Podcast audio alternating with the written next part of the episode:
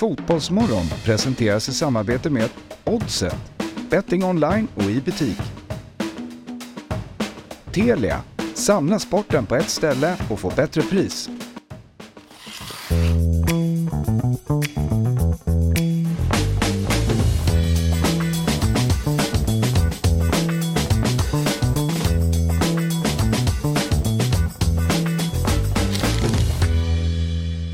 Morgon på er och varmt välkomna till Fotbollsmorgon. Det är måndagen den 20 februari, vecka 8.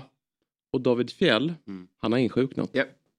Jag tycker det säger eh, ja, någonting om vilken påverkan Tuchels, höll jag på att säga, Ja. Graham Potters eh, målsnåla Chelsea. Chelsea, om när folk blir magsjuka av det.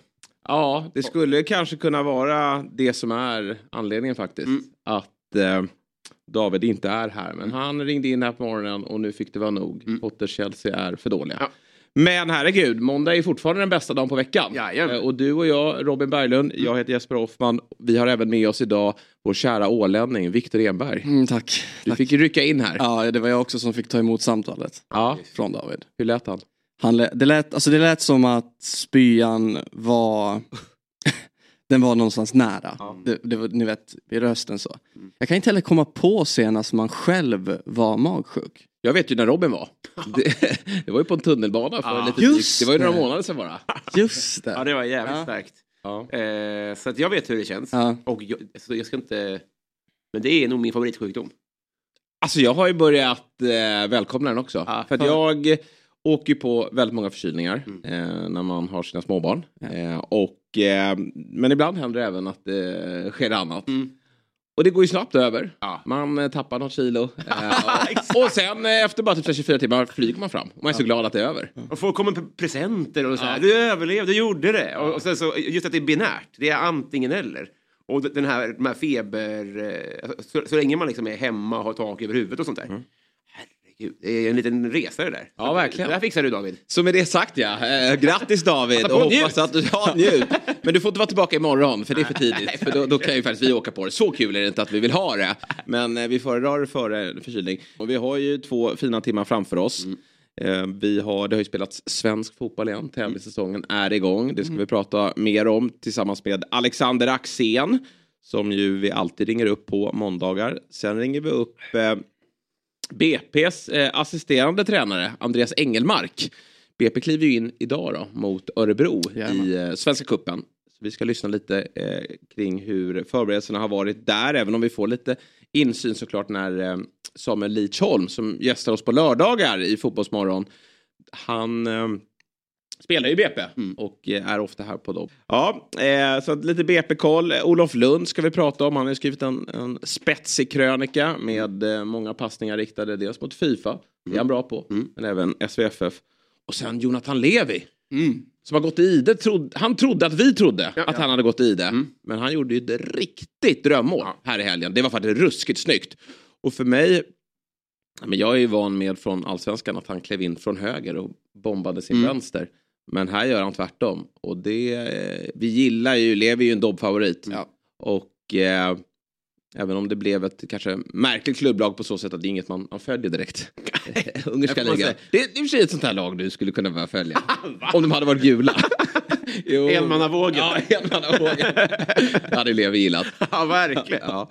Men eh, drömmål i alla fall från Levis eh, högerbössa. Och det eh, vill vi höra mer om. Hur livet är nere i Ungern. verkligen. och hur det har gått utöver det där målet. Fabbe Ahlstrand är på väg in hit. Ja, vad kul. Så eh, han, han, han var väldigt taggad. Han vill, Ja, ja, jag- Så fort det blev en plats ledig här så han, hugger han. Jag eh, konstaterade ju, eller vi, eh, jag pratade med honom igår kväll. Han satt och kollade igenom alla eh, Svenska cupen Han var uppe till halv inne- tre. Han var uppe till halv tre och kollade. GIF Sundsvall, Norrby. Nej. Nej, jag skulle gå och lägga mig. Jag bara, men den kan du väl släppa. Han bara, Nej. Kolla på beteenden. Nej, det, det, det är verkligen så med Fabian Ahlstrand att eh, han är experten nummer ett. Han ser allt. Ja. Jag vet ju att många eh, så kallade tyckare och annat fuskar ju Ja. och eh, sträcker upp en hand, ser absolut inte allt. Nej. Men Fabian Ahlstrand, han ser allt. Han, är rolig, han tror också det att det är allmängiltigt. Att han, han kan sitta med hörlurar framför en skärm och kolla på någon jävla... Det är koner och grejer på planen. Och så, "Ko- ko- kolla på det, kolla på det. Ja. Och man uppfattar ju ingenting Nej. av värde. Alltså det är helt omöjligt. Här. "Ko- Kolla, kolla den här löpningen. Ja, det ser ju exakt ut som Ja, alltså, hur, Jag fattar ingenting. Det handlar om beteenden. Du får lära mig mer. Helt enkelt. Men det är kul att han eh, tittar in och Ja. får gaffla lite med Alexander Axén då, som också förmodligen har sett det mesta. God morgon på dig. God morgon. Hur mår vi? Bra. Ja, låg du och sov? Nå, alltså jag försov mig lite också. Ja. Men du var, jag Snusade. kollade på WhatsApp, jag hade inte så stora förhoppningar på att du skulle dyka upp, för jag såg att du hade varit inne på WhatsApp 2.30 i natt. Nej, Jo. det måste vara... Jag sov som en stock. Jaha, vad konstigt. Ja. Vad har varit eh, helgens höjdpunkt fotbollsmässigt? Jag vet inte. Hela Svenska cupen var roligt tycker jag. Vi, vi konstaterar det här, du har ju sett allt. Ja, missade Kalmar missade jag. Okej. Sen zappade jag över från Malmö till Sirius. Mm. För Malmö gjorde ju processen kort med Skövde, ledde med 2 efter 20 minuter. Mm. Då var det läge, Ja. då var det läge och Jag missade den tyvärr. Det gillar man inte när man säger ju. Jo, jo, jo. Men det, det, det, det är ett ju för dig men inte för mig. Nej exakt. Och därför blir det, ja, jag förstår att du reagerar. Mm. Jag brukar också reagera när folk säger ju, men jag inte har någon aning. Ehm, och sen, eh, ja, så inne i igår så kollade jag Sundsvall i repris. Mm.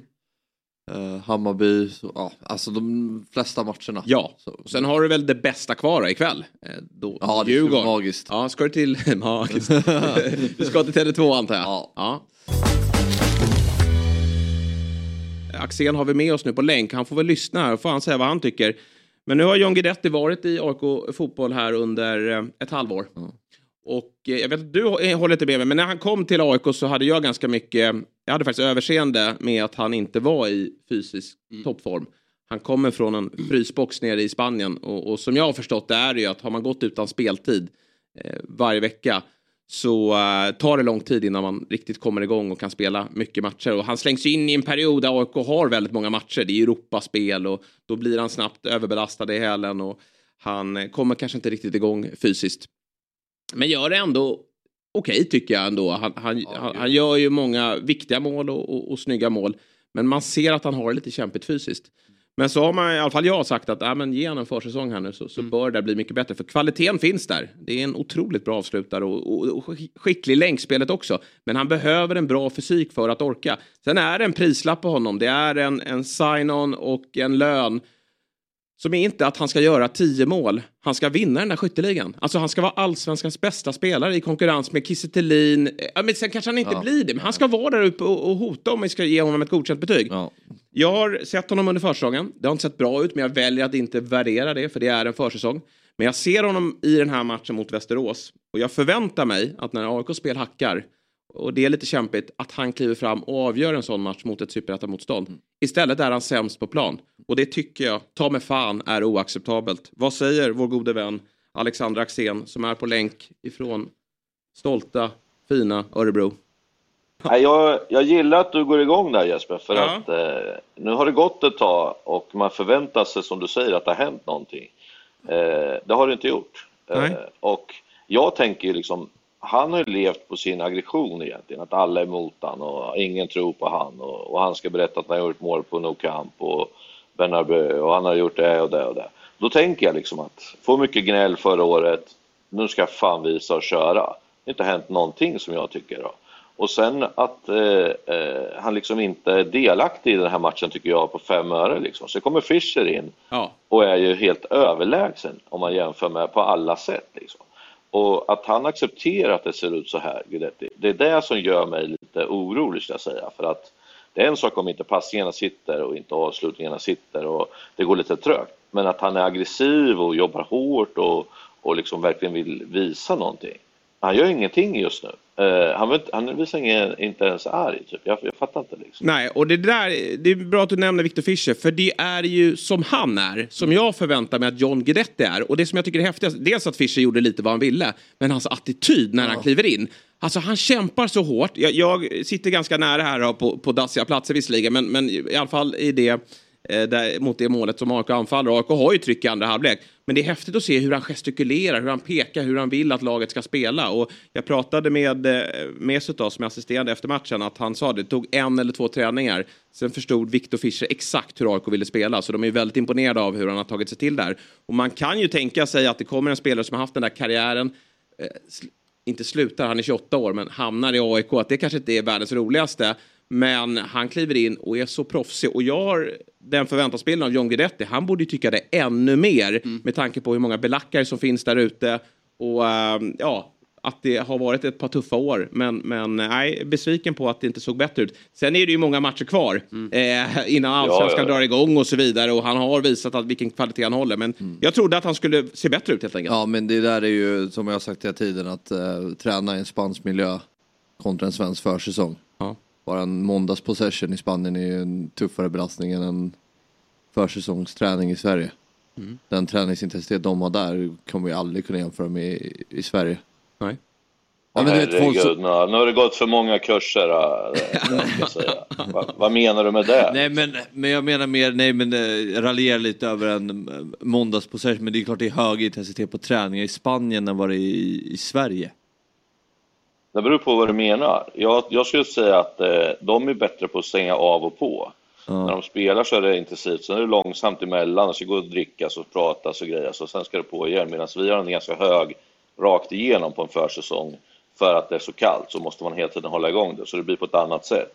Men det är klart att han har ju gnällt redan på första veckorna att man tränar annorlunda utomlands på att man eh, allt måste inte gå på högsta hastighet, allt måste inte vara världens tempo utan det är bättre att man har kvalitet i grejerna och där köper jag ju hos honom typ men att de skulle vara en jävla fysmonster jämfört med oss, det köper jag inte ett över. Nej, jag vet inte riktigt heller. Men, men, eh, Nej men okej. det var just att alla skulle ge honom en försäsong så kommer allt se jättebra ut men han, har, Men jag han var inte man skadad. skulle få vila först och sen bygga upp sig och, och kanske se lite mer redo ut också. För att det, dels ser jag en spelare som, som lufs, ja, han kanske inte ser jättestark ut och sen att han eh, också är då är, har, har det kämpigt ute i, i planen. Och jag tycker också i det här, eh, får du säga Axén, om du håller med mig, men jag tycker att han hamnar lite långt ifrån mål också i den här matchen. Eh, dels är han ganska lik Faraj i spelsättet. Båda två eh, tunga targets, inga, inga speedkulor. Guidettis fördel är att han är en bättre avslutare. Men då ska han ju vara längre upp i banan. Han ska ju hamna i straffområdet. Och min lösning på det, eller AIKs lösning på det, borde väl vara att man ska spela alla de där tre. Att äh, vet du, Fischer blir någon form av länkspelare mellan mittfält och anfall och sätta Guidetti i lägen. Ja, så kommer det bli och det tror jag man märkte ganska fort. Men det är också så att när man inte riktigt är i slag, då möter man mer. Man, eh, man går inte iväg i löpningar utan man vill vara delaktig och då går man till de här skolgårdsytorna för att få med att dutta lite, ta emot den, hålla i, spela bollen bakåt och så här och vara lite skön. Det är det som är problemet när man inte är i form. Det är då man märker att, man, att spelare gör så. Det ser ut som de är delaktiga men de är inte ett dugg delaktiga.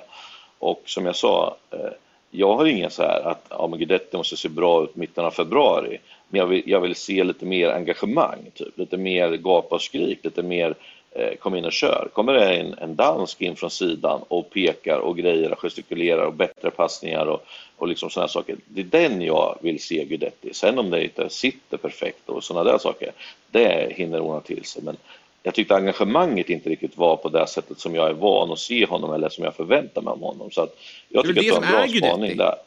Ja. Ja, men det väl- Exakt. ja, Och det är ju jag tycker är så och konstigt. Veva och skit. Ja. Om man inte ens får det, då är det inte kvar. Nej. Jag håller med.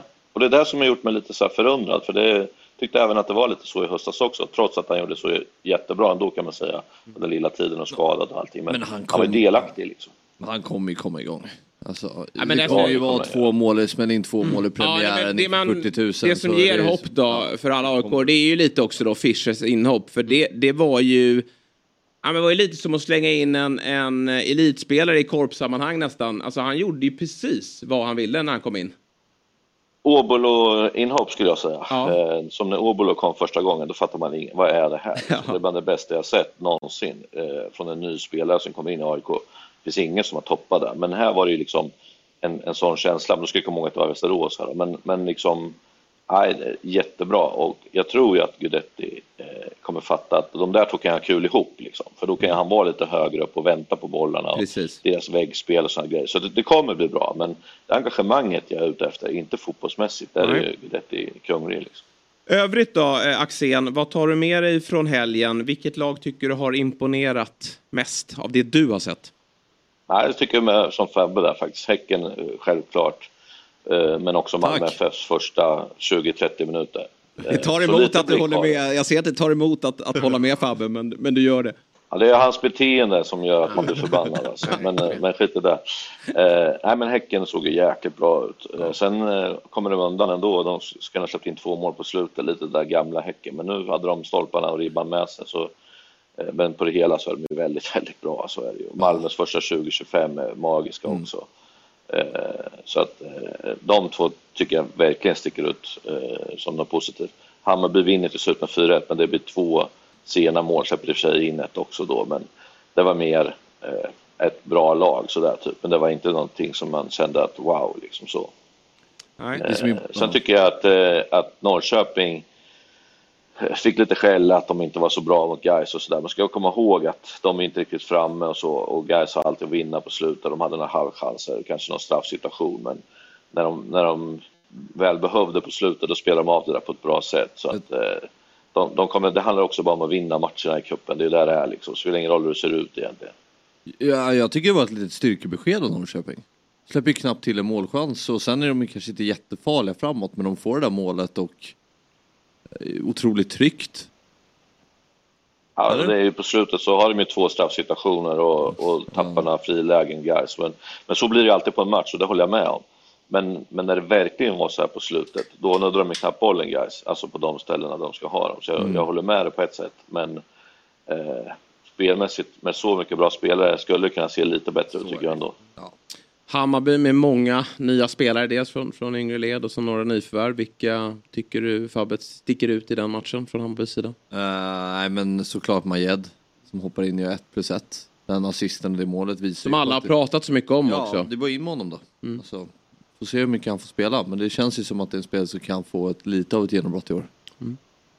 Teki kommer in. Teki kom in, ja gör okej. Jag tycker Bayern, det sprudlar ju inte. Det är ju lite Cifuentes fotbollen liksom. Det är kontrollerat och eh, sådär men det är ju inte, det, det är inte Billborn liksom. Eh, och, eh, så här, det står 1-0, man kan tycka att det är lite otryggt och det är nervöst, man bara leder med 1-0 men jag tycker Bayern har full kontroll på det utan att vara så här bländande. Eh, de har lägen där de kan gå mer framåt och rakare men väl att kontrollera och Brage är ju ett sämre lag. Så det känns ju som att Bayern från start har den där matchen. Håller du med Axel? Ja, absolut. Sen är det ju tufft att komma dit med, med supportrar och grejer för de andra lagen. Det är klart att man kan tycka att det är lite roligt att börja men sen så märker man att det blir bara tyngre och tyngre. Det var ju så för Västerås också. De hade ett jättebra bortafölje Västerås men på slutet gick de nästan på knäna. Det var ju kramp överallt och allting sånt där. Så att det är klart att det, det har betydelse att spela på något gärde någonstans där det blåser, typ Kalmar, Trelleborg. Det blir inte liksom sam, det blir olika idrotter kan man nästan säga på de sakerna. Utan att jag tar någonting från Kalmar, men så är det ju en helt annan fotboll och allting. Det blir ju så liksom. Eh, Men skönt att det är igång och det ska bli roliga matcher idag faktiskt. Tack så jättemycket Alec. Ja, vi Så hörs igen. håller vi kontakten. Jag ska, jag ska på en monsterresa till helgen. Eh, ska med eh, Fredrik Friberg och Wernbloom ha någon nä- nätverksgrej i Göteborg. Så vi ska flyga till Leipzig eh, lördag morgon och komma hem söndag lunch. Wow. Känn på den. Ja, fan frågan är om du kommer hem. Vi hoppas att du är med på måndag då. Nej, jag, kommer, jag, är, jag är professionell. Jag har ingen...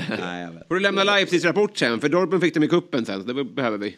Ja, exakt, exakt. Det fixar vi. Och de har ju City här i det bra, veckan grabbar. och Foppa är i bra form. Bra Inte händerna i fickan om du är ute och promenerar. Händerna i fickan, vad pratar du om? Nej men jag tänker att det är halka. Ja, just När det är det. halt ute. Just det. Inte Ja, halka men- slår sig. Det Det går som en pingvin. Det går som en pingvin. Det är inga problem.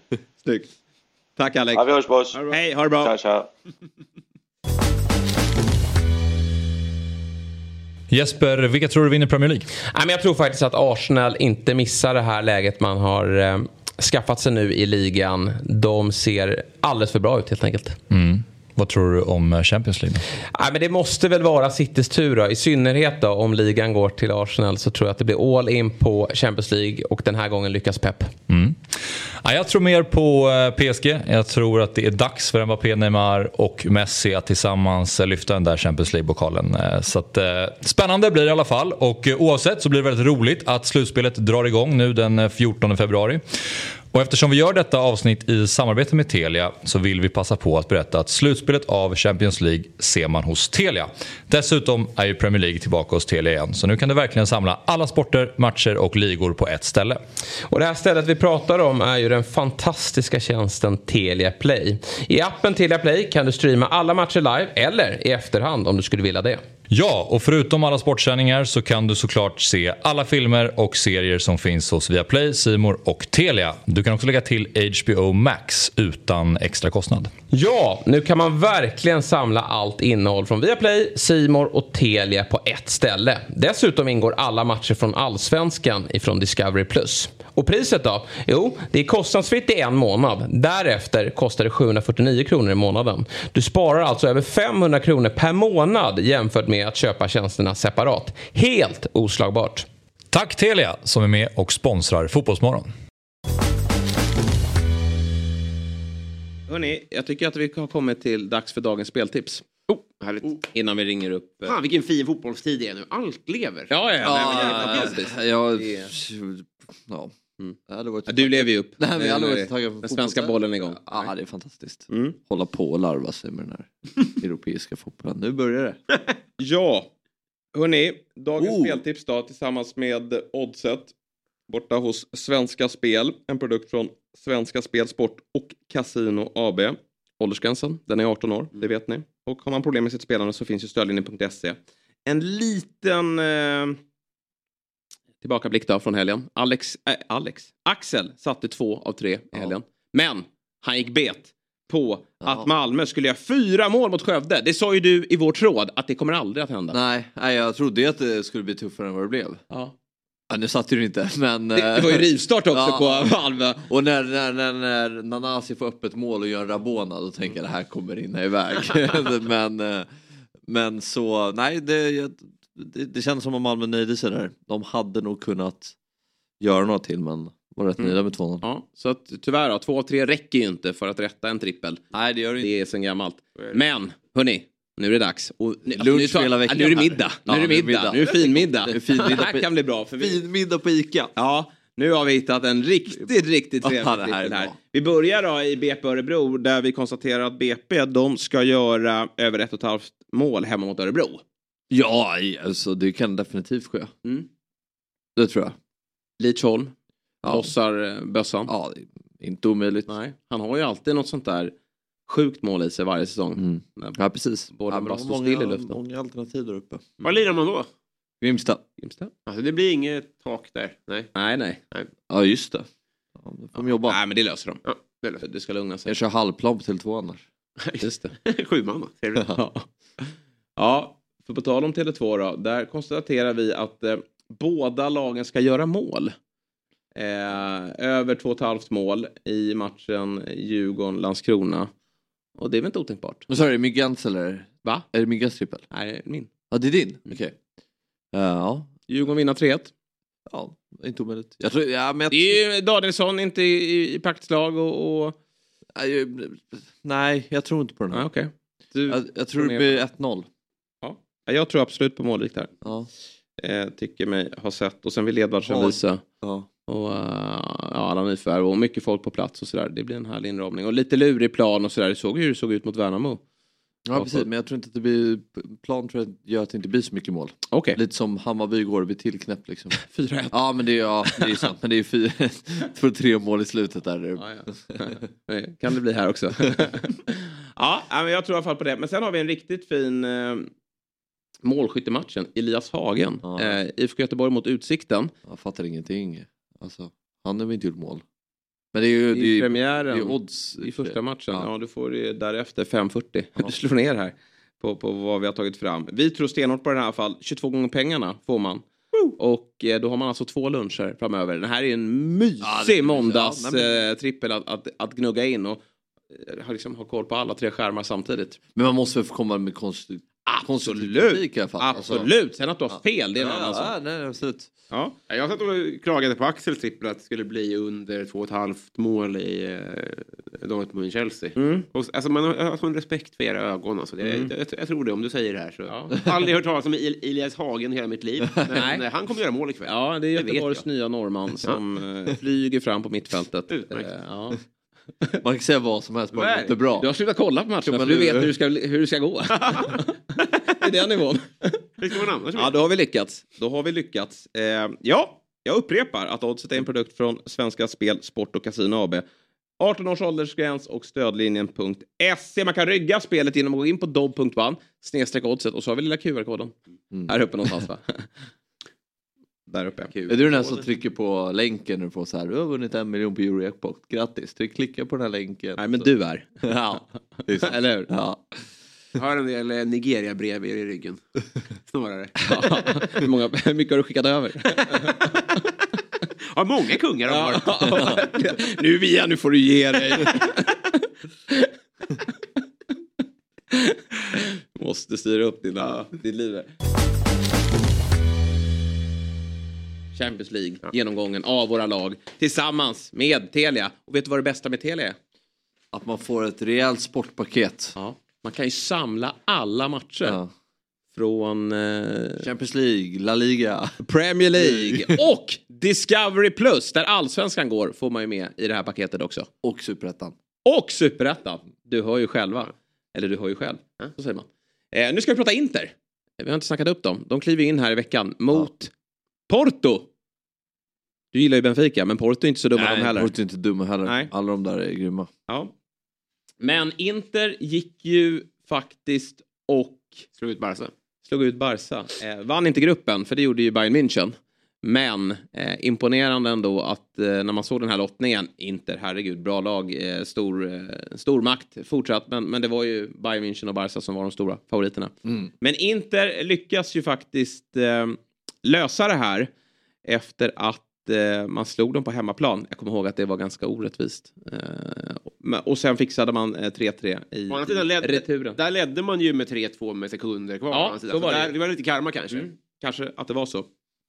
Ja. Nu eh, är det dags för Champions League mot Porto här i veckan. Galna Bayern München, sex raka segrar där. Men inte löste till slut en andra plats då. Och eh, möter som sagt Porto och de har börjat trumma igång nu i, i Serie A. Eh, även om det är hopplöst såklart att, att försöka ta sig an Napoli. Den titeln är ju redan klar. Det leder ju till att Inter såklart måste ju slå fast dem om Champions League-platsen. Men det kommer de ju lösa. Det, det ska ju inte vara några problem. Eh, eh, Lautaro Martinez har ju verkligen kommit igång här efter VM och, och gör väldigt många mål. Nu gäller det bara att få igång det gamla fina anfallsparet Lukaku och Martinez. precis. Eh, det, det handlar mycket om det för att eh, Inter ska kunna gå långt. Eh, och för att eh, Lautaro Martinez då, han har ju faktiskt gjort eh, de, de senaste 13 målen i, i ligan. Eller han har gjort 13 mål i ligan och sex av dem har kommit efter årsskiftet. Mm. Han ligger tvåa i skytteligan. Mm. Så det är starka papper. Men nu väntar Porto här då. Matchen spelas på onsdag 21.00. Och jag tycker väl att det här oddset inte är så tilltalande va? Nej, det är för lågt. Eller hur? Ja, jag är inte, alltså så här, jag... Utan att ha sett 1,64. Inter mer än en gemen Inter-supporter, men jag tycker jag är lite besviken på Inter under Simone Inzaghi. Jag trodde han skulle ta dem till nästa steg, men det har han verkligen inte gjort. Eh, så, uh, ja, lite lågt faktiskt tycker jag. Eh, jag tror nog Porto kan göra någonting av det här, även fast Inter ska ju såklart ses som favoriter. Mm. Eh, det blir spännande.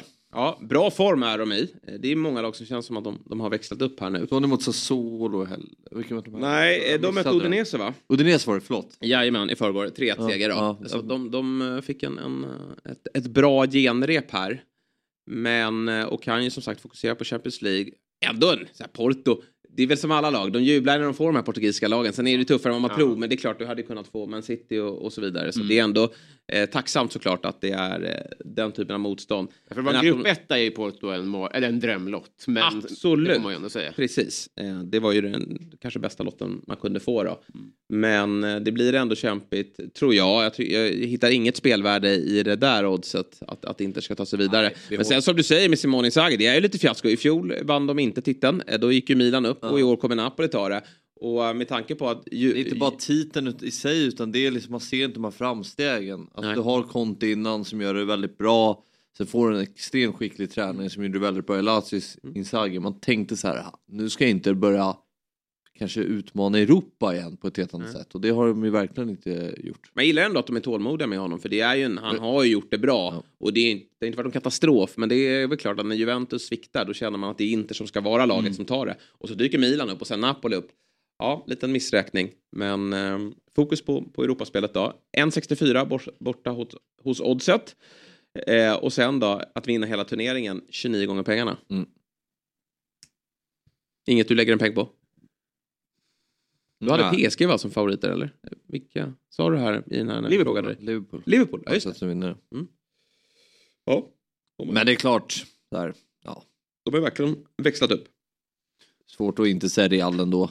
Mm. Eh, Spelvärde hit och spelvärde dit. Känns. Ändå inte säga Real. Du, har ju Liverpool segrar men du tror Real vinner åttondelen. ja, de kanske hittar andra chansen här. Dyker upp i finalen. Ja, fan, sitter båda, då är det jag som lyfter på hatten. har vi den dubben? Kan vi spela den? Real vidare. Liverpool vinner. Jävla geni. Ja, han gör det igen. Out. Ja, vi får se då vad som eh, händer med Inter. Det här mötet eh, kommer jag att följa på onsdag, men framförallt då så är det ju det, det mötet du nämner som är spännande imorgon då. Liverpool. Det är ju inte båda går vidare. Real Madrid. Helt ointressant. Spela av den matchen. Verkligen. Ja, eh, kul. Eh, jag tar det igen. För det är ett sånt otroligt supererbjudande. Matcherna i Champions League finns hos Telia, där även Premier League då är tillbaka. Telia har samlat allt innehåll från Viaplay, Simor och Telia på ett ställe och dessutom då ingår alla matcher från Allsvenskan och Superettan från Discovery Plus senare i vår. Eh, så att vill man samla allting, då får du det hos Telia. Ja.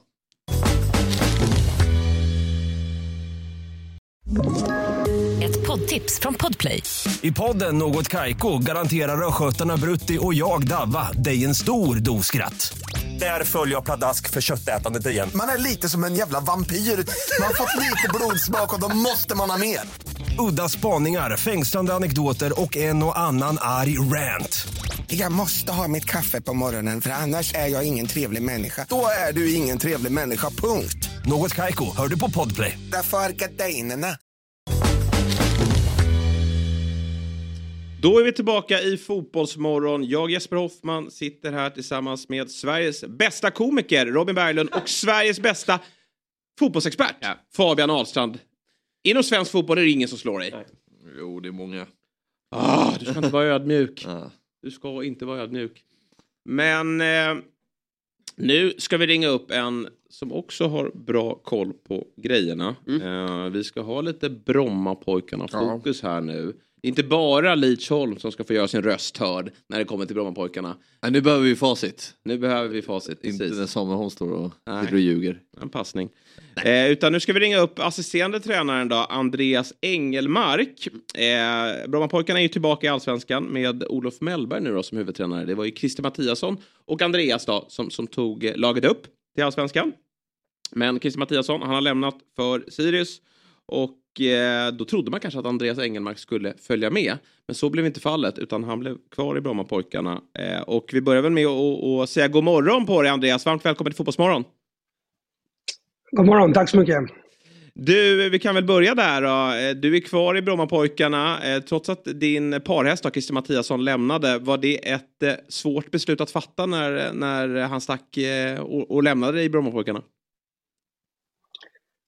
Är, jag, jag har ju varit i BP länge, så att, eh, för mig att få möjligheten att eh, jobba i Allsvenskan med, med BP var, var något jag ville göra. Så att, eh, I slutändan så var det inte ett så svårt beslut att, att vara kvar. Jag tyckte också att vi hade gjort någonting bra med det här laget i några år och det är kul att fortsätta på högsta nivån. Mm.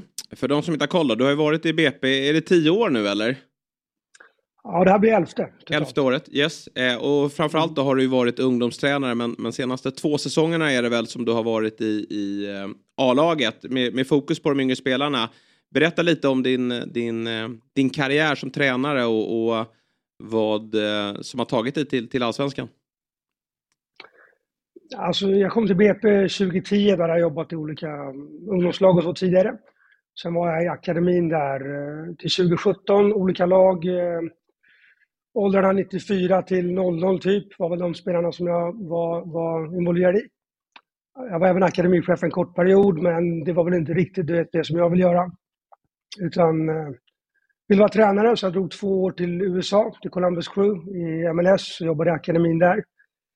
Och sen 2019 kom jag tillbaka till BP och eh, då var ju laget på väg ur Superettan. Så inför 2020 så, så blev jag assisterande och det här blir min eh, fjärde säsong i, i A-laget. Men då hade du eh, BP's 00, då hade du Dejan va? Ja, Dejan hade jag och Hampus, men de, han spelade då i, eh, de spelade i, i 99 som jag hade då. Med Joel Asoro också, så det var ett, det var ett vasst gäng. Ja, det får man säga. Är du förvånad över att eh, Dejan Kulusevski Kulusevski här alldeles nyligen vann Guldbollen? Nej, det är jag inte förvånad över um, som sådant. Men han hans utveckling har varit väldigt bra.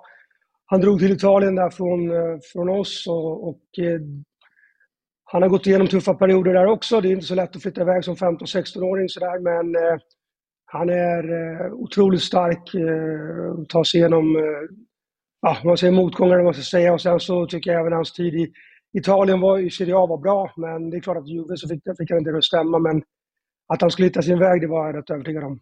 Mm. Du, häftig resa där till Columbus och USA. Du som har verkat då i en av Sveriges absolut bästa akademier. Berätta lite om, om skillnaderna och hur det äventyret borta i USA var.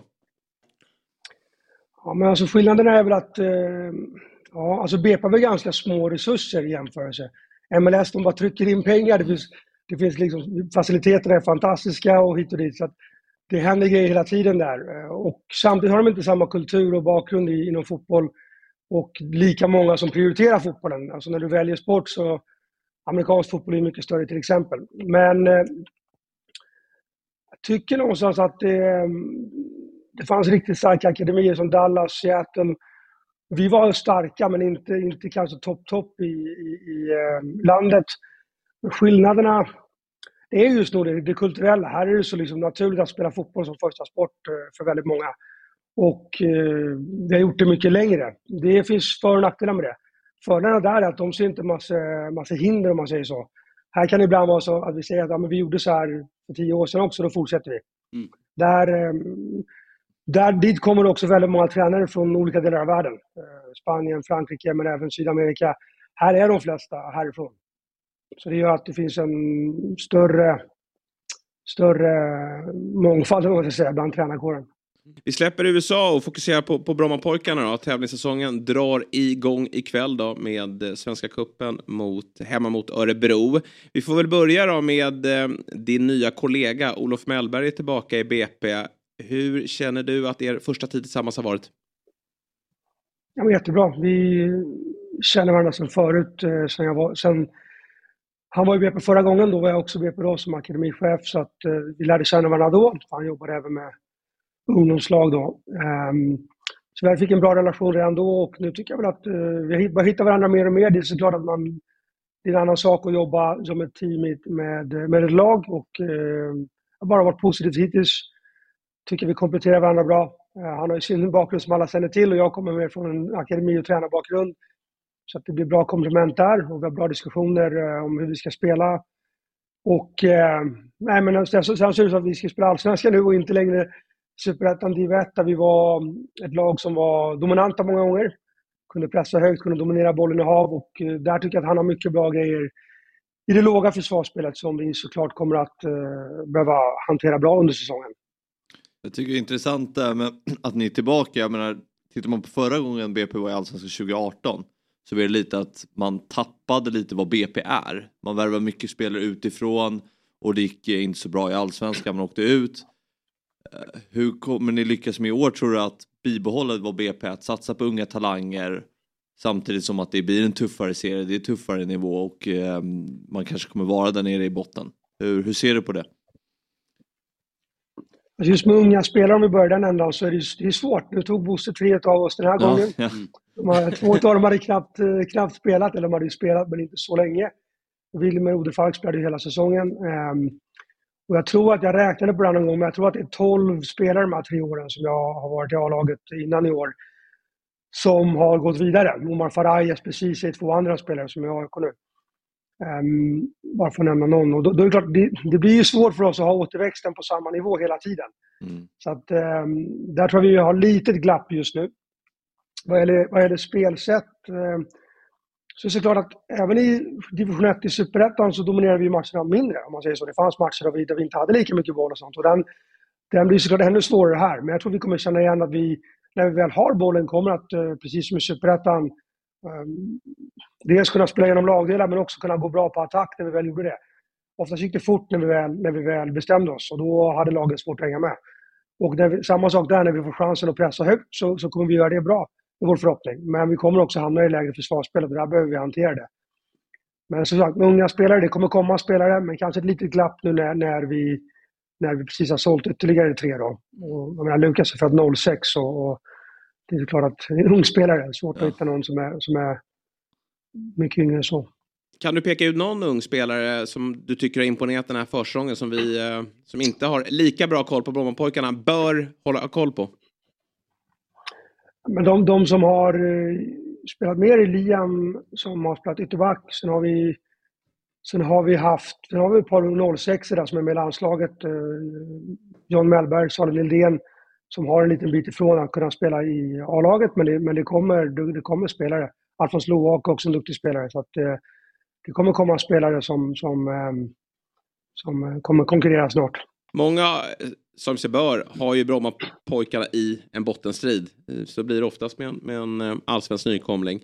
Hur lyder er målsättning för säsongen och, och vad talar för att eh, BP spelar i allsvenskan även under säsongen 2024? Nej, men vår målsättning är ju såklart att, att spela allsvenskan 2024, så att det, det är såklart. Och vad som talar för det tycker jag är lite det jag var inne på tycker vi har ett bra anfallsspel som, som blixtrar till och då går det fort. Vi, det har hackat lite här på försäsongen än så länge mot AFC så, så, så visade vi den nivån. Det kanske inte alltid blir 20-30 passningar liksom, men, men det kan bli 4-5 och så är vi, är vi inne i straffområdet området och så är det målchans. Och där tycker jag har vi förhoppningar och, och tro på att vi kommer kunna göra det även i Allsvenskan. Ehm, sen tror jag liksom generellt att vi kommer vara för, väl förberedda för varje match. Och jag tycker vi har en bra man säger mentalitet i laget. Alla kör på och det, det, det, det ska vi fortsätta med. Du, innan allsvenskan drar igång då så är det ju Svenska Cupen med start redan ikväll. Vad tänker man kring kuppen då? Vad, eh, vad känner BP gällande den? Men det är bra. Det är bra för tennismatcherna som alla säger såklart, tidigt. Örebro, eh, Landskrona kan vi väl. Örebro har ändrat lite, men är ändå ganska lika som vi mötte dem eh, i andra tillfället. Ehm, så att det här är lag som vi känner till väl. Och sen är det ju såklart Djurgården, de känner vi också till väl såklart. Målet är ju att vi ska få en avgörande match mot Djurgården på Tele2 så att, eh, och ta oss vidare. Det, det måste ju vara målet. Du, Andreas, jäkligt spännande att, att eh, prata med dig eh, denna morgon. Kul att eh, få lyssna mer till din karriär och, och lite vad som har hänt i BP den senaste tiden. Och framförallt då, stort lycka till ikväll mot Örebro. Tack så mycket. Ha det så bra och god morgon på dig. Tack själva. Ha det bra. Tack, tack. Hej.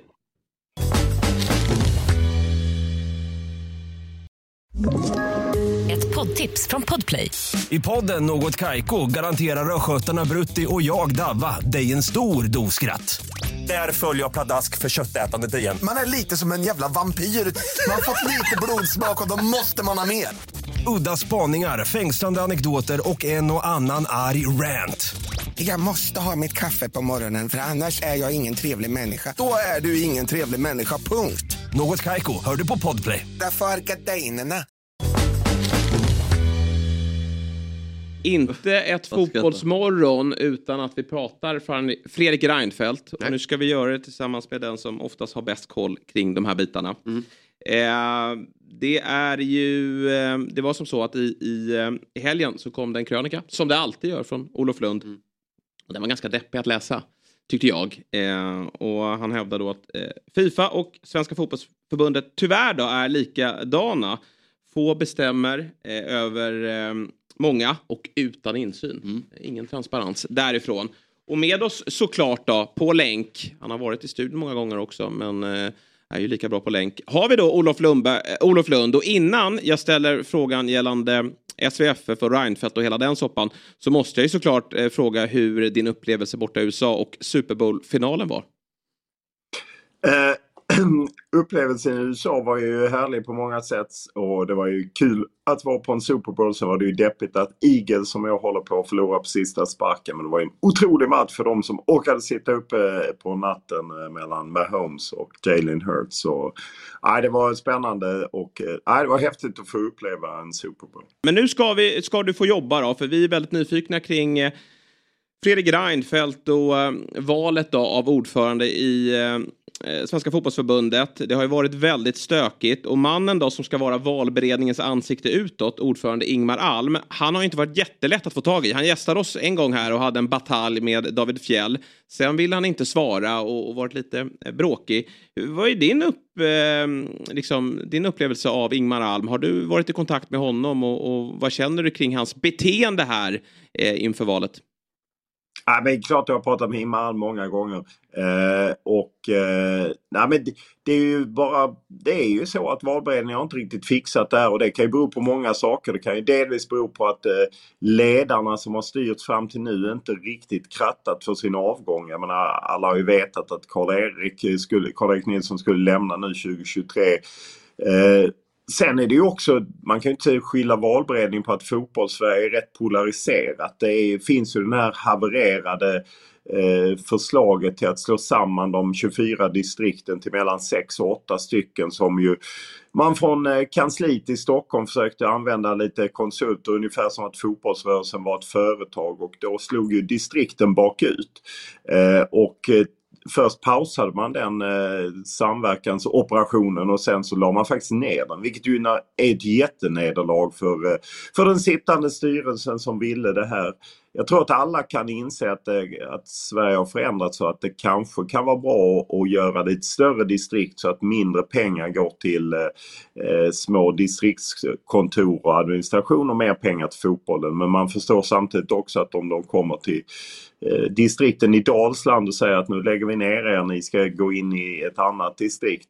Så vill ju inte Dalsland det. Så att det är ju ett knivigt läge och alla de konflikterna som finns eh, i svensk fotboll ska ju valberedningen hantera och eh, sen har väl de kanske inte fixat det helt enkelt. Tyvärr, eh, vilket har gjort att det har blivit en eh, väldigt stökig eh, process hela vägen och de som har följt det på Fotbollskanalen, för det är faktiskt vi av svenska medier som har skildrat det mest där, eh, så framgår det ju att eh, det är, pågår både det ena och det andra. Eh, bland annat valberedningens representant ljög på SEF-mötet och sa att man hade pratat med RF och SVFF-jurister som sa att Jens T Andersson och Caroline Waldheim var olämpliga. Och det finns det inte en jurist som har sagt för, för det första och för det andra så är, har de inte varit i kontakt med RFs jurister. Så att det pågår massa sådana grejer som gör att man blir lite deprimerad eftersom eh, alla som hyllar föreningsdemokrati gärna lyfter den delen. Men just det här gör ju en deppig. Min känsla är att de är lite tagna på sängen, att de har blivit granskade. Alltså Ingmar Alm känns allmänt stressad över att vi tar kontakt. Han trodde liksom att det här är inga problem, vi skickar fram en kandidat och sen är det tyst. Men, men eh, och, och du upplever ju kanske samma sak här med tanke på att det är lögner från, från, från deras håll.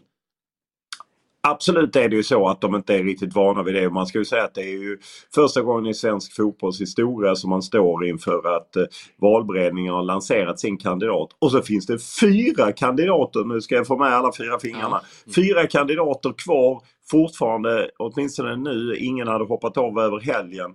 Bara det är ju historiskt. Vanligtvis så går det ju till så här att liksom valberedningen säger att det är en kandidat och så har man verkligen eh, löst det. Men för de som minns SEF-valet för två år sedan så var det precis likadant där att valberedningen fick inte ihop det och att Jens T Andersson faktiskt utmanade Ove Sjöblom eh, som då var valberedningens ordförande. Ove Sjöblom fick dessutom stöd av den sittande ordförande Lars-Christer Olsson. Och ändå så vek inte Jens T Andersson ner sig för att fotbollen var så splittrad. Då var det de 32 elitföreningarna på här sidan. Och det blev alltså oavgjort och lottdragning som Karl-Erik Nilsson skötte och då vann Jens T Andersson. Och det är, fotbollen är liksom ovan vid det. Man, är, man vill att det ska vara en valberedning som styr och, och det är ju, fotbollen är ju inte den enda folkrörelsen som kör så här. Partierna har kört så här. Eh, det är liksom vanligt att det ska gå till så här och Däremot har partierna blivit lite modernare. Centern de körde tre kandidater som valberedningen plockade fram så åkte de runt och, och turnerade i Sverige innan man valde en. Så att det hände ju en del men det är ett otidsenligt system och varför jag gjorde jämförelse med Fifa i min helgkrönika är ju därför att Gianni Infantino behöver bara förhålla sig till 211 nationsförbund. Det är deras ordförande på något sätt som bestämmer spelare, tränare, supportrar inget att säga till om. Och det är ju samma sak i svensk fotboll. Att här är det ju distrikten och eh, förvisso lite elitföreningarna som har lite röster men det är ju distrikten som har den stora makten. Och för de, de stora massorna som antingen spelar eller eh, eh, går på läktarna de har otroligt svårt att påverka även om man i teorin kan säga att de är liksom medlemmar i distrikt eller i en klubb och på så sätt kan lite påverka. Men det är liksom så långt från fotbollsverkligheten där de här distrikten då röstar fram den person som ska leda svensk fotboll. Och det är ju också direkt deprimerande. Tack så jättemycket Olof så hörs vi framöver. Ha det bra. Hej, detsamma, detsamma, hej. Nu har vi med oss en, en, en, favorit. Jag, Jesper Hoffman, sitter här med två roliga män i form av Fabian Ahlstrand och Robin Berglund. Men nu ska vi prata med ytterligare en. Det är ju nämligen som så att den 16 januari blev det officiellt att Jonathan Levi och IFK Norrköping skulle gå skilda vägar efter tre säsonger. Destinationen för den offensiva mittfältaren blev Ungern och Puskas eh, Akademia eh, där han har hunnit med fem framträdanden. Men det var ju framförallt i lördags som han presenterade sig. Vilken med jävla strut. En sanslös strut. Eh, vi säger god morgon och varmt välkommen till Fotbollsmorgon. Jonathan Levi, du kan ju inte skjuta med högen. Nej, tydligen inte. Det är många som är chockade, jag också kan jag säga. Så du såg äh, chockad ut när du sprang runt och firade där. Du, du, skulle spela cool ut, men jag såg ju själv i dina ögon, vad fan var det som hände? Nej, jag har ingen jävla aning. Jag det var så jävla kul jag kunde, men det gick fan inte. Nej. Det var otroligt alltså. Men du, eh, berätta nu då. Vi, vi ska ta, prata mer om målet såklart. Men hur har eh, första tiden nere i eh, Ungern varit? Eh, väldigt eh, spännande, spe, speciell också. Eh, man var ju beredd på att det skulle vara stor omställning och det har det varit. Först och främst på, på, på planen är det otroligt mycket annorlunda än vad det har varit eh, hemma i Sverige. och sen så utanför så var man ju beredd också på att det kanske inte är Eh, kramar man får alltid eh, för att man är bästa vänner med de som är i laget. Men eh, har blivit väldigt bra omhändertagen. Mycket mer än vad jag trodde. Så att, eh, jag har till och med fått några kompisar. Det till och med så att jag har skickat det till min flickvän. Kolla nu här, nu sitter jag och umgås med några folk här. Liksom. Ah. Så att, eh, är hon orolig? Så att, eh, nej, men hon skrattar nog mest åt mig att jag, du, du kommer nog få vara lite ensam. Men uh, jag har lyckats få några vänner i alla fall. Så. Ja, det där ska man inte ta för givet. Jag har pratat en del med Hjalmar Ekdal då, första tiden i, i Burnley här och det där är inte helt lätt att ta sig in i ett lag och så är det olika nationaliteter och, och folk gör ja, andra saker efter träningen och sådär. Så, så det är väl jättekul då att du har hittat några polare här. Ja men lite så. Nej men helt seriöst. Alltså, det, är lite, det är inte som hemma i Sverige där Nej. både först och främst alla förstår samma språk och man ska komma in i ett lag. Speciellt också när man kommer, utom, för, ja, kommer från ett annat land och ska ta någon mm. annans plats. Det går inte alltid hem hos folk. Men eh, bättre än vad jag trodde i alla fall. Mm. Hur många utländska spelare i laget? Eh, det är ju, vad ska jag säga, hälften är väl ungrare. Och sen ja. så är det vissa, någon slovak och tjecker och rumäner. Men sen så har vi två, två britter, två holländare och någon iranier och lite så. Det är väl mest, eh, mest dem jag, jag umgås med. Jag ska lära sig ungerska, det, det, det, är inte det lättaste. De säger det, att det är det andra svåraste språket i världen. Jag vet inte om det stämmer. Men, ähm, så det blir, det blir tufft, men vi kämpar. Eh, Puskas eh, Akademia då. Ni hette tidigare den här orten som laget eh, kommer ifrån. Där. Vad heter det? Fällkött? Ja, bra. Snyggt. Ja, tack. Eh, får jag styrka här. Ja, ligger strax utanför Budapest då, 30 minuter. Eh, och eh, namnbytet då, som skedde, när skedde det? Ja, det kan är inte fråga mig Nej, sånt. sorry. Eh, sorry, borde jag ha koll på. Men eh, det var ett par år sedan då. Eh, och, och den som ligger bakom det här, då, det är ju landets premiärminister Viktor Orbán som, som eh, äger laget och är ju liksom en, en satsning att, jag antar, ta sig an Ferencvaros som är ju Ungerns stora lag. Jag kollar på dig Fabbe för att få liksom lite nickningar, men du sitter helt... Ja, eh, det låter bra. Ja, ja, det är förmodligen så. Du då, berätta, vad, har du träffat Viktor Orbán? Nej, det har jag absolut inte gjort. Tänkte jag säga. Nej. Nej, det har jag inte. Och det är ju inte han som äger klubben. Eh, I alla okej, fall inte på papper ju. Nej, jag Så förstår. Att, eh, Okej. det, det, det, det är en annan kille. Han har jag träffat i alla fall, men inte, Ja. men inte premiärministern. i alla fall. Hur kommer det sig att du tog det här steget då? Vad, hur sålde de in eh, det här projektet och vad blev avgörande för din del? Eh, först och främst var det att jag, eh, jag ska inte sticka under stol med att jag kunde ha stannat i Allsvenskan, först och främst i Norrköping men också eh, hade alternativ eh, därifrån. Men jag kände att eh, 27 år gammal eh, kanske bör göra någonting annat än att vara i Skandinavien. Du har ju inte tre rätters framför dig så att du kan välja och vraka lite hur du vill. Utan eh, det var, det var få alternativ. Det var inte jättemånga som ville punga upp den prislappen som, eh, som Norrköping ville ha. Och sen så var väl Puskas var väl de som har varit hetast på det hela tiden. Eh, Det ryktades ju om att jag skulle ha sagt nej till, till Italien men det, det vet vi nog alla att det, det stämmer inte. Eh, Nej. Hade jag fått det så hade, så hade ja, då hade pappa halshuggit mig om jag hade valt detta för, eh, för Italien. Liksom. Så att, eh, det var väl det var Puskas, det var lite något annat också som lite Israel som, som var väl det som, som det stod emellan. Men jag kände att hela projektet här eh, med hur proffsigt det är och eh, hur mycket de satsar och allt det där. Jag tycker det är jäkligt kul. Sen så eh, är det klart att det är många stora frågor som man, som man också får ta hänsyn till.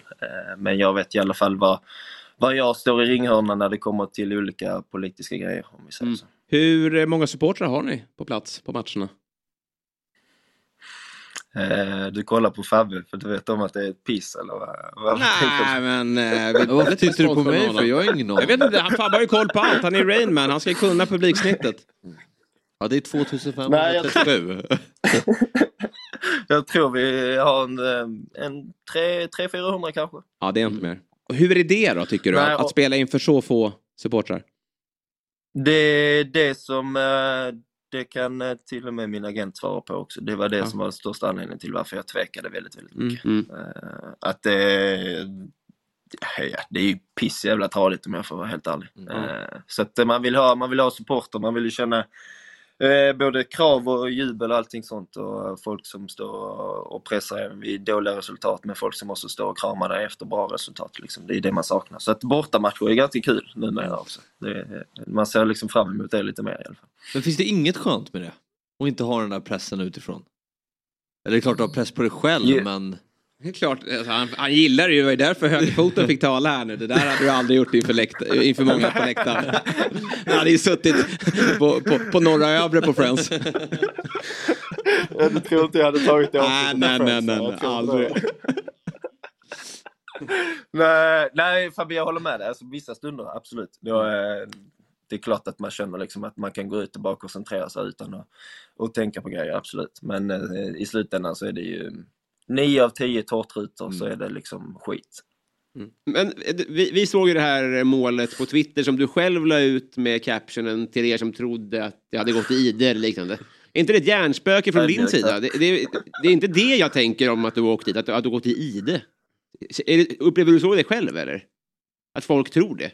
Nej men, ja, men lite grann, för det är det som är kul med Allsvenskan också, att det är så jävla stort intresse. Liksom. Mm. Och folk följer det överallt och ni pratar om det väldigt mycket och man själv pratar om det mycket. Liksom. Eh, Så det blir väl att man så himla kaxigt för att lägga upp grejer själv på sociala medier liksom, Mm. för att folk ska förstå liksom, att eh, larma om du lever. Liksom. Det var lite mer så jag, så jag kände. Liksom. Så att, eh, och att det var kul att göra första målet så att då fick man skryta lite extra. Det var nice. Men har det Så varit att, sånt eh, snack att jag har missat det bara? Att du har så att säga gått i det? Nej, det, det vet jag inte själv. Det var bara någonting jag hittade på. Liksom. Eh, Men eh, jag, jag tog det för givet liksom, att det, det är lite så. Man vet ju själv när, när folk och spelare liksom, eh, lämnar utanför Sveriges gränser, om det inte är till topp 5-ligorna, så, så hörs det mindre om dem. Liksom. Mm. Så att, det var väl lite att man fick dela med sig lite själv i alla fall. Du har ju spelat några matcher nu. Hur skulle du säga att... Hur upplever du kvaliteten på ligan? Det är likt men ändå väldigt stor skillnad. Eh, För att eh, spelarna individuellt är väldigt skickliga. De är duktiga och bra med bollen och man känner liksom att eh, man har mycket gemensamt med, med många där med, med teknik, första touch och allt det där. Men eh, det är inte så väldigt mycket kollektivt och det är inte så väldigt mycket laget. Och eh, taktiskt så är det något så stor, alltså otroligt stor skillnad. Eh, jag känner liksom att gå från har suttit ett och ett halvt år med, med Norling och liksom gnuggat exakt vad man ska göra i varenda Och Pense. När, när, liksom, ja, han har inte fått uppleva det tyvärr. Med. eh, men på, på, på, på ett väldigt lärorikt sätt och så komma hit där det är liksom bara får du bollen fram och så kör och så slår Ja. vi inlägg och så kör vi och så jobbar vi hårt och så ran, ran, fucking hard, ran, ran. Det är typ så. så att, ehm, det, är lite, det är lite upp till, liksom, vad ska jag säga, vi spelar på plan liksom att eh, här, det löst det i princip. Och, eh, Det passar väl dig det bra, eller? Eh, det, det gör ju det, så jag vet Ja. inte varför jag sågar det. Liksom. Nej, jag Eh, tänker att det där- Det, det, det, det passar faktiskt mig ganska, ganska bra. Liksom. Ehm, men eh, och sen så försvarsspel liksom taktiskt sett liksom, hur man ska ligga. Liksom. Det väldigt mycket man-man utan att man liksom har en väldigt tydlig filosofi som Norling då hade. Att man liksom tränar på det exakt hur man ska röra sig. Utan det är liksom att eh, lite, man följer sin gubbe utan att eh, liksom täcka yta överhuvudtaget. Så att, eh, det är väldigt stor skillnad men eh, det, är, det är kul och lärorikt. Då säger vi så Jonathan och så önskar vi dig fortsatt lycka till och eh, bara att hänga dit dem i, i, i bortre klykan sådär. Så är du snart i Italien. Det hoppas vi verkligen. Va? Ja. Grymt. Kör hårt så, så hörs vi. Tack snälla, tack för idag. Tack, tack. Hej, hej. Tack för idag. Vi blev väldigt långa men vi har haft kul. Ja, vad kul vi har haft. Ja, det gick bra trots att Fjäll ligger hemma och spyr. Ja, precis. Ja, hoppas han mår bättre efter att ha kollat på oss. Ja, hoppas jag med. Mm. Krya på Eh, dig. Ja, vi är tillbaka imorgon 7.00 igen. Podden släpps lite senare om ni vill lyssna på det här på nytt. Eh, tack för idag. Hej! Fotbollsmorgon presenteras i samarbete med Oddset, betting online och i butik. Telia, samla sporten på ett ställe och få bättre pris.